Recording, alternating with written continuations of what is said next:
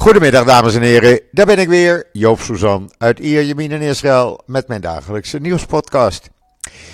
Ja, het is zondag, de eerste dag van de nieuwe werkweek. Ondanks dat het Pesach is en een heleboel mensen vrij zijn of op vakantie zijn. Eh, maar ik zie eh, bij de shoppingmall bij mij, de parkeerterreinen zijn meer dan vol. Er kan geen fiets, geen motor, geen auto meer bij. Want ja, eh, wat het weer betreft, het is bloed en bloedheet.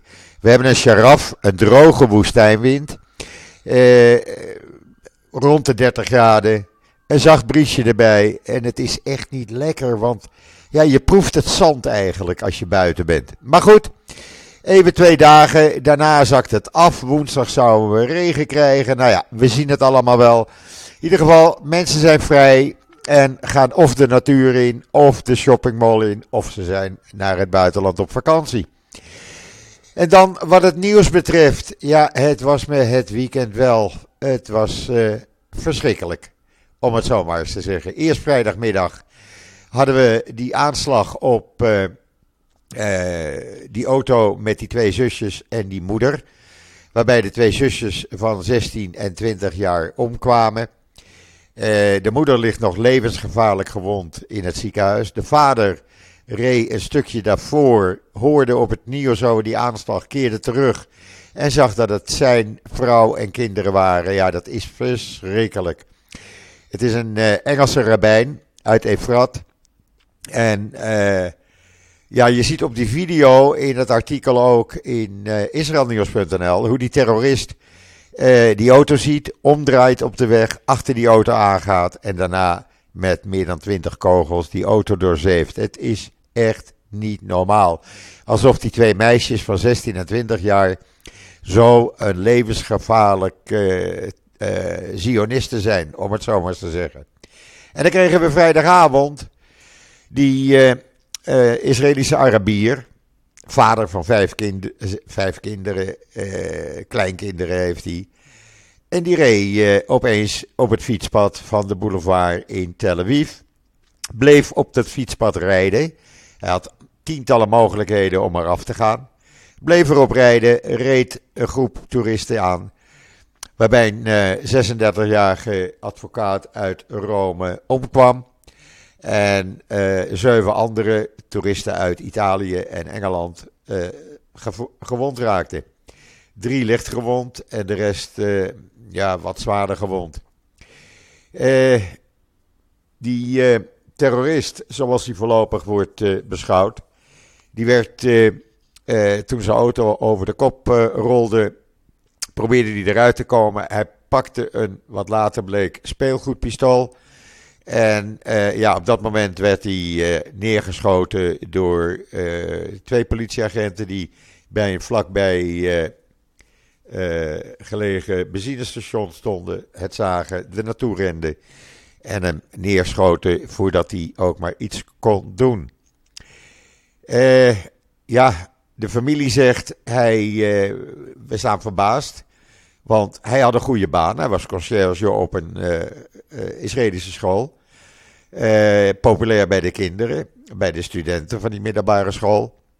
Bij de onderwijzers. En niemand had dit verwacht. Mogelijk dat hij depressief was of wat dan ook. In ieder geval, hij pleegde die aanslag. En daar kwamen, ja, die advocaat bij om en zeven mensen gewond. Ja, en ondanks uh, dat dit vrijdagavond gebeurde, uh, er was natuurlijk uh, zaterdagavond toch demonstraties. die waren in Tel Aviv, Jeruzalem, Haifa en nog een paar plaatsen. Niet overal, want vanwege Pesach, veel mensen zijn op vakantie. heeft men bijvoorbeeld ook in Netanya, hier bij mij in de buurt, die demonstratie gisteravond niet door laten gaan. Ik ga het volgende week wel door. Uh, en uh, ja, daar deden honderdduizenden mensen weer aan mee. Maar alle demonstraties werden voorafgegaan met één minuut stilte voor de terreurslachtoffers. En die stilte werd ook in acht genomen. ja, het was weer indrukwekkend. Trouwens, wat betreft die twee vermoorde zusjes, die worden vanmiddag bij Efrat begraven in de begraafplaats van de nederzetting Kfar Etzion, dat ligt daar vlak naast. Worden om vijf uur begraven. Om kwart over vier gaat er een processie beginnen in Efrat. Daar zullen de rouwenden masseren naar die begraafplaats. En uh, ja, daar mag je rustig van uitgaan dat het grootste gedeelte van Efrat, alle inwoners, daarbij aanwezig zullen zijn. En honderden mensen uit heel Israël. Uh, dat is verschrikkelijk. Het is echt, ja, toen ik dat las, ik vind dat verschrikkelijk. Lees het artikel maar in uh, israelnieuws.nl. Ja, en dan afgelopen uh, nacht en avond eigenlijk, in twee uh, series, zes raketten uit Syrië. Sorry. Er waren wat Palestijnen die het nodig vonden om van daaruit Noord-Israël te beschieten. We natuurlijk donderdag 34 raketten uit uh, Libanon op Noord-Israël. Uh, het luchtverdedigingssysteem Iron Dome werd niet gebruikt bij het eerste spervuur, omdat de projectielen volgens de IDF neerkwamen in een onbevolkt gebied. En uh, ja, zo'n Iron Dome raket uh, kost toch een paar centen, 50.000 dollar per stuk. Dus daar moet je zuinig mee zijn. En bij de tweede lancering werd er eentje onderschept door de Iron Dome. Er kwam maar eentje in Jordanië neer en eentje in onbewoond gebied. Je ziet een filmpje van de IDF, hoe de IDF terugschoot op uh, de lanceerinstallaties staat in dat artikel op Israël Nieuws. Inmiddels heeft de Palestijnse militie, waar niemand ooit van gehoord heeft, de Liwa al-Quds, uh, oftewel de Jeruzalem-brigade, de verantwoordelijkheid opgeëist voor de lanceer, uh, raketlanceringen.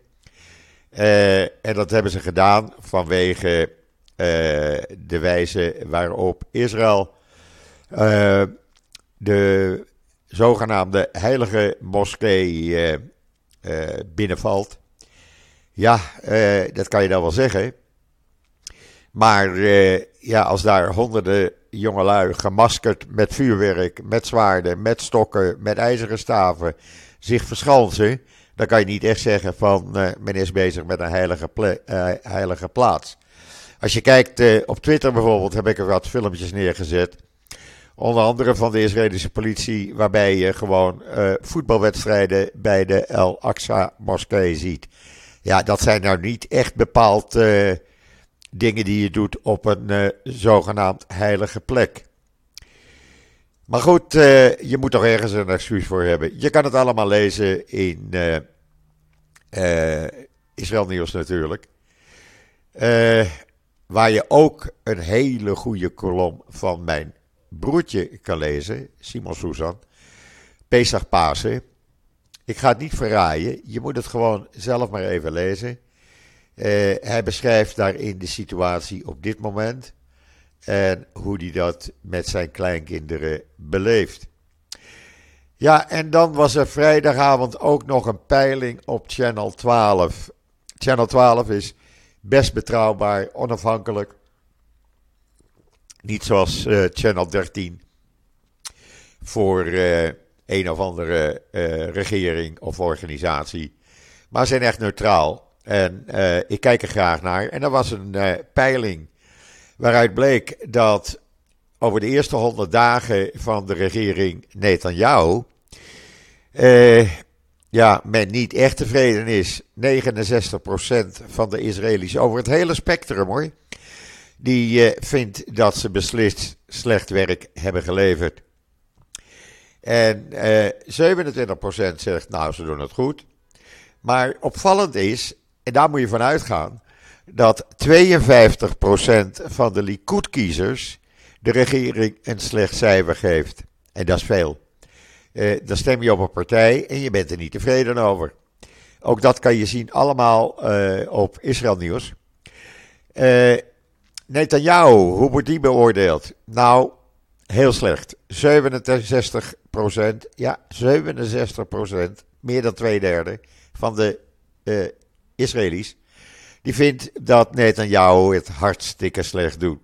Slechts 30%, dat is nog niet eens een derde, geeft hem een goede score. En dan onder de Likud uh, stemmers zegt 44% doet het, uh, vindt dat Netanyahu het slecht doet. Slechts 51% zegt, nou, hij doet het wel goed. En hoe zit het dan met die extreemrechtse ministers Ben Gwier en Smotrich?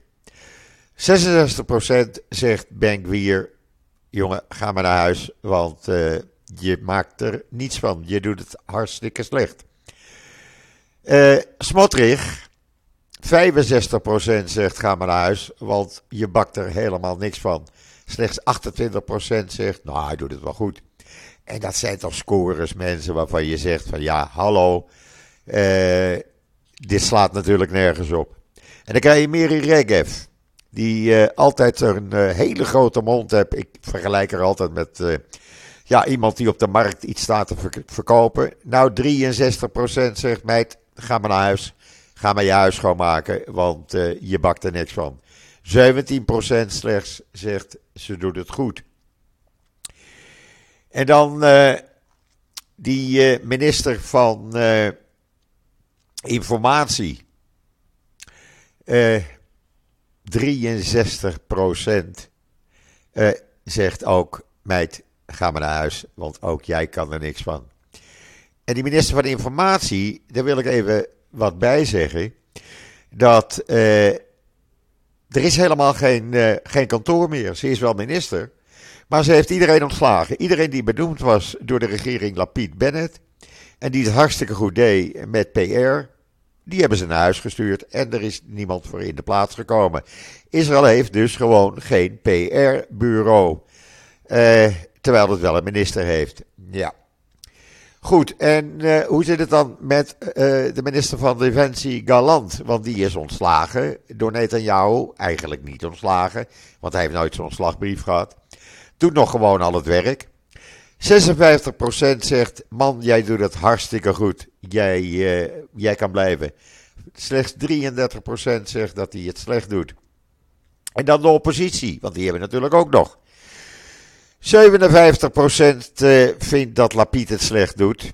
60% vindt dat Lieberman het slecht doet. Uh, en de voorzitter van de Labour-partij, Michaeli, ja, 70% zegt meid, ga maar wat anders doen. Want je bakt er niks van. De enige die een hele goede score kreeg, Benny Gans. En dat vind ik ook, die doet het hartstikke goed. 54% vindt dat hij kan blijven. Hij doet het hartstikke goed. En dan uh, over die eerste 100 dagen. Uh, denkt, ja, na die eerste 100 dagen denkt meer dan de helft van de ondervraagden, 53% dat deze regering gauw naar huis zal gaan. 32% denkt dat deze regering haar termijn zal beëindigen. Ja, eh, dat is zo'n beetje het gevoel in Israël op dit eh, moment. En dan is het ook niet zo raar dat honderdduizenden mensen de straat op gaan om te demonstreren voor behoud van democratie. Want we willen die democratie houden. Uh, we willen niet dat daar allerlei beperkingen komen. Dat uh, het Hoge Rechtshof naar huis wordt gestuurd. Dat er geen controle meer is op uh, wetten die de Knesset maakt, de regering maakt in wezen. We hebben geen, ik leg het, zeg het nog maar eens heel kort. We hebben geen Tweede Kamer en Eerste Kamer. We hebben geen grondwet. We hebben geen hogerhuis of lagerhuis. Uh, de enige controlerende instantie is het Hoge Rechtshof. En als je die naar huis stuurt of minder macht geeft, ja, wat blijft er dan over? Een soort dictatuur, want dan is het uh, de regering die het bepaalt. Dus was er een grote de demonstratie voor de 14e zaterdagavond. En dan zei Joaf Horowitz, die uh, hele tijd stafchef van Netanyahu is geweest. Die zegt, uh, ja, mensen, uh, Netanyahu, hij is vervuld van wraakzucht tegen het rechtssysteem. En hij wil eigenlijk net als Poetin zijn. Hij wil onbeperkte macht. Nou, dat is het algemene gevoel hier. Lees dat artikel in de Times of Israel vanmorgen. Want daar staat het helemaal uitgebreid in. Hij is tot 2019 stafchef uh, geweest. Uh, en uh, ja, hij heeft ontslag genomen in 2019. Omdat hij vond dat Netanyahu, koste wat het kost, alles wilde doorzetten om aan de macht te blijven. En de vraagzicht tegen het rechtssysteem, ja, dat beviel deze Horowitz ook niet. lees het artikel maar. We herinneren trouwens, en die foto staat ook in dat artikel van Times of Israel een Likud-banner op een aantal uh, hoge gebouwen, onder andere het hoofdkwartier van de Likud. Waarop Netanyahu hand in hand met Poetin staat. Ja, dat uh, zegt al eigenlijk een beetje meer, toch? En dan, ja, de Israëlische ministers, die extreemrechtse ministers, Smotrich en Ben-Gvir ik snap het niet dat deze nog in de regering blijven. Echt niet. Want als je nou leest in de Times of Israel, in de Jeruzalem Post vandaag. Ze, ze willen allebei op, aftreden. Want ze zijn het totaal niet eens met het beleid van deze regering. Maar stemmen wel voor de maatregelen die deze regering nemen. En dan kan je wel zeggen van ja, als je er tegen bent, dan moet je ook tegenstemmen. Nee, dat doen ze niet. Ze zeggen tegen hun achterbank eh, we zijn het niet eens met het beleid en we overwegen zelfs om af te treden. Maar ja, dan hebben we helemaal geen macht meer. Eh, terwijl ze wel voor alle maatregelen stemmen die deze regering neemt. En wat zeggen ze dan? Het ligt niet aan ons, het ligt aan Lapid en Bennett. Die uh, hebben gezorgd dat we nu al die aanslagen krijgen en dat wij het als regering slecht doen. Nou, daar wil ik uh, en Bennett even aan iets herinneren. En ik heb dat ook geretweet van uh, Barak Ravid, die journalist. Een jaar geleden hadden we een aantal aanslagen achter elkaar. Toen hadden we de regering Bennett-Lapid. Wat deed uh, Netanyahu toen? Die organiseerde een, een demonstratie tegen het beleid van deze regering want daardoor kregen we aanslagen.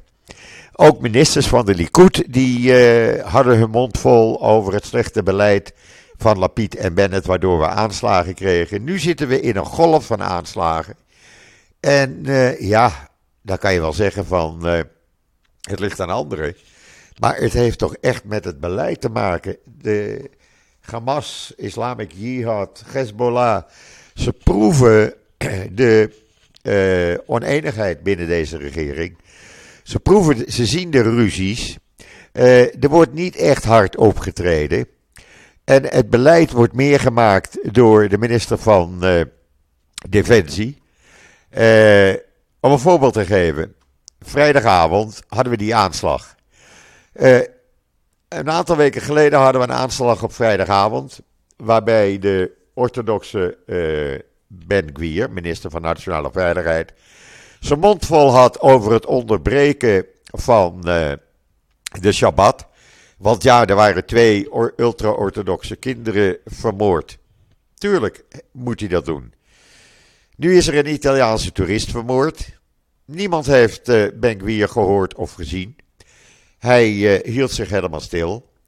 Uh, Netanyahu heeft de grenspolitie opdracht gegeven reservisten op te roepen, vier bataljons. De minister van Defensie heeft opdracht gegeven om het leger in te zetten in Centraal Israël, dat wil zeggen met name in Tel Aviv, die de politie gaat assisteren.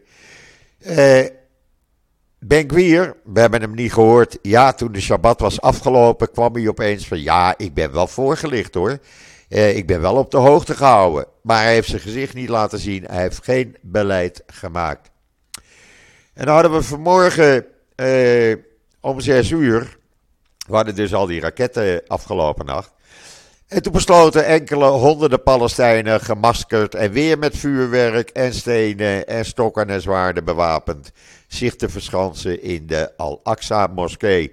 Want ja, er zouden vandaag natuurlijk enige honderden uh, Joodse gelovigen over de Tempelberg gaan lopen.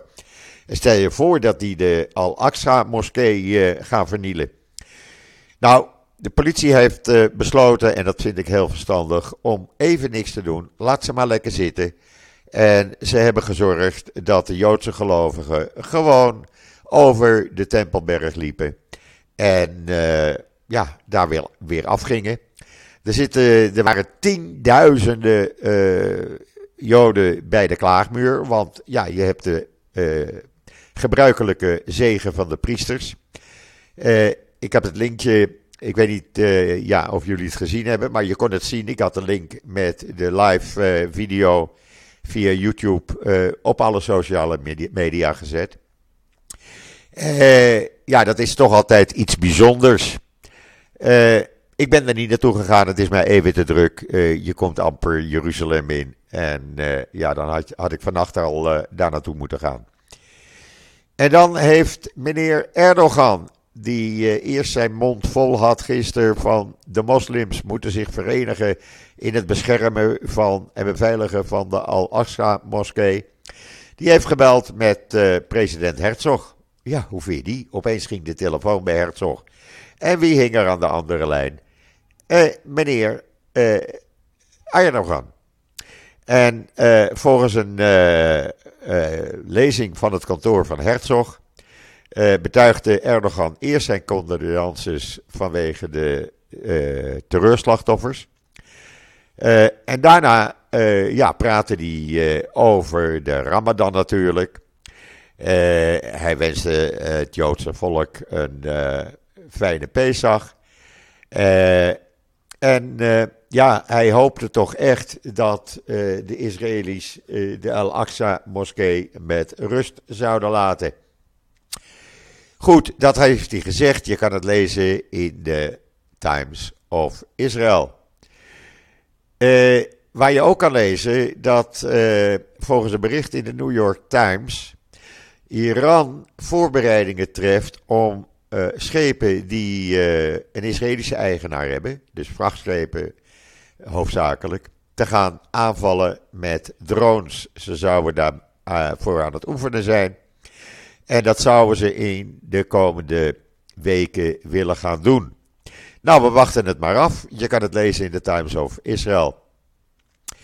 En dan een analyse van Seth Fransman, en die heb ik hoog zitten in de Jeruzalem Post.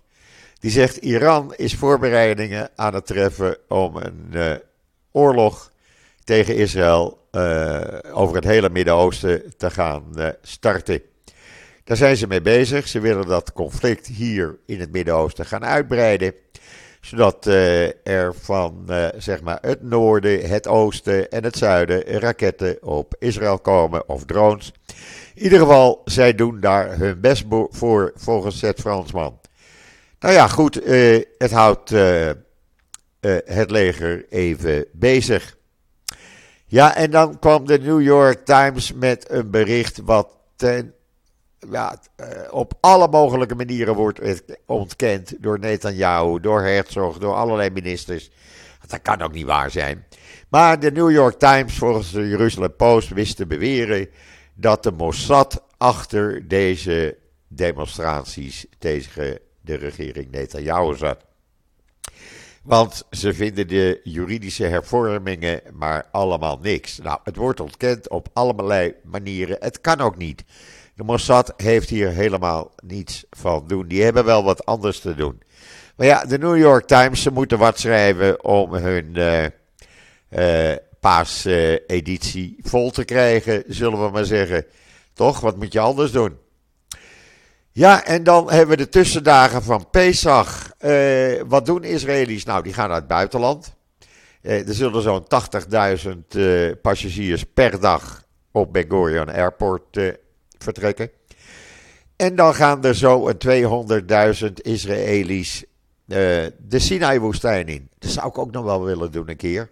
Maar ja, dat kan ik niet, alleen is daar, uh, is daar niets aan. Dan moet ik iemand vinden om dat te gaan doen.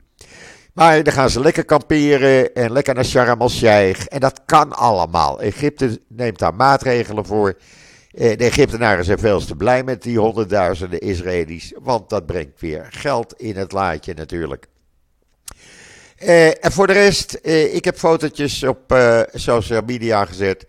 Israëli's gaan en de shoppingmall in. Ze gaan ook de natuur in. Maar zoals ik al zei in het begin, het is vandaag bloedje heet mensen. Dus daar ga je lekker de shoppingmall in, waar de airconditioning is. En wat je daar dan doet, ja, ik weet het niet wat ze daar zoeken. Ik ga er niet in. Maar ik zag het gisteravond al, na Shabbat ging de mol open. Nou, alles stond weer beetje vol. Ja, je moet toch wat met je kinderen. En dan uh, de Saoedi's. Ze zijn weer de beste vriendjes met Iran. Ze gaan na zeven jaar hun ambassade weer openen in Teheran. Uh, ze zitten weer bij elkaar. Er is een, delegatie uit Saudi-Arabië gisteren in uh, Teheran aangekomen. Dat is twee dagen nadat ze elkaar voor het eerst ontmoet hadden weer de ministers van Buitenlandse Zaken in Peking van beide landen. Maar goed, het gaat hard en ze zijn weer de beste vriendjes. Ik weet niet wat Netanyahu dan wil doen om diplomatieke betrekkingen met uh, uh, Saudi-Arabië uh, te proberen op te zetten. Want ja, die zijn nu de beste vriendjes met Iran. En Netanyahu heeft zijn mond vol van wij moeten Iran gaan aanvallen. We zullen ze wel zien. never a dull moment, zeggen we dan.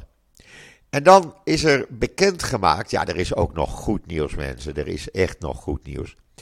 Dat op 28 maart vertrok er een drone met 3,8 kilo bloed aan boord van het Rambam Medical eh, Center in Haifa. En die vertrok uh, daar vandaan en landde 13 minuten later, zo snel gaat dat, in het Galilee Medical Center in Naharia. Dat ligt uh, wat dichter bij de grens met Libanon. Uh, er was een reis van 25,2 kilometer. En het bloed verkeerde in uitstekende staat, had helemaal daar niet van te lijden.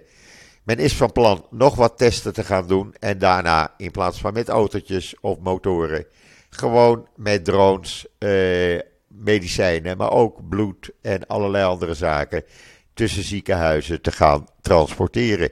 Het werkt nu eenmaal sneller. Je kan in de Times of Israel vandaag ook een video ervan zien. Uh, het is een eerste fase van het test geweest.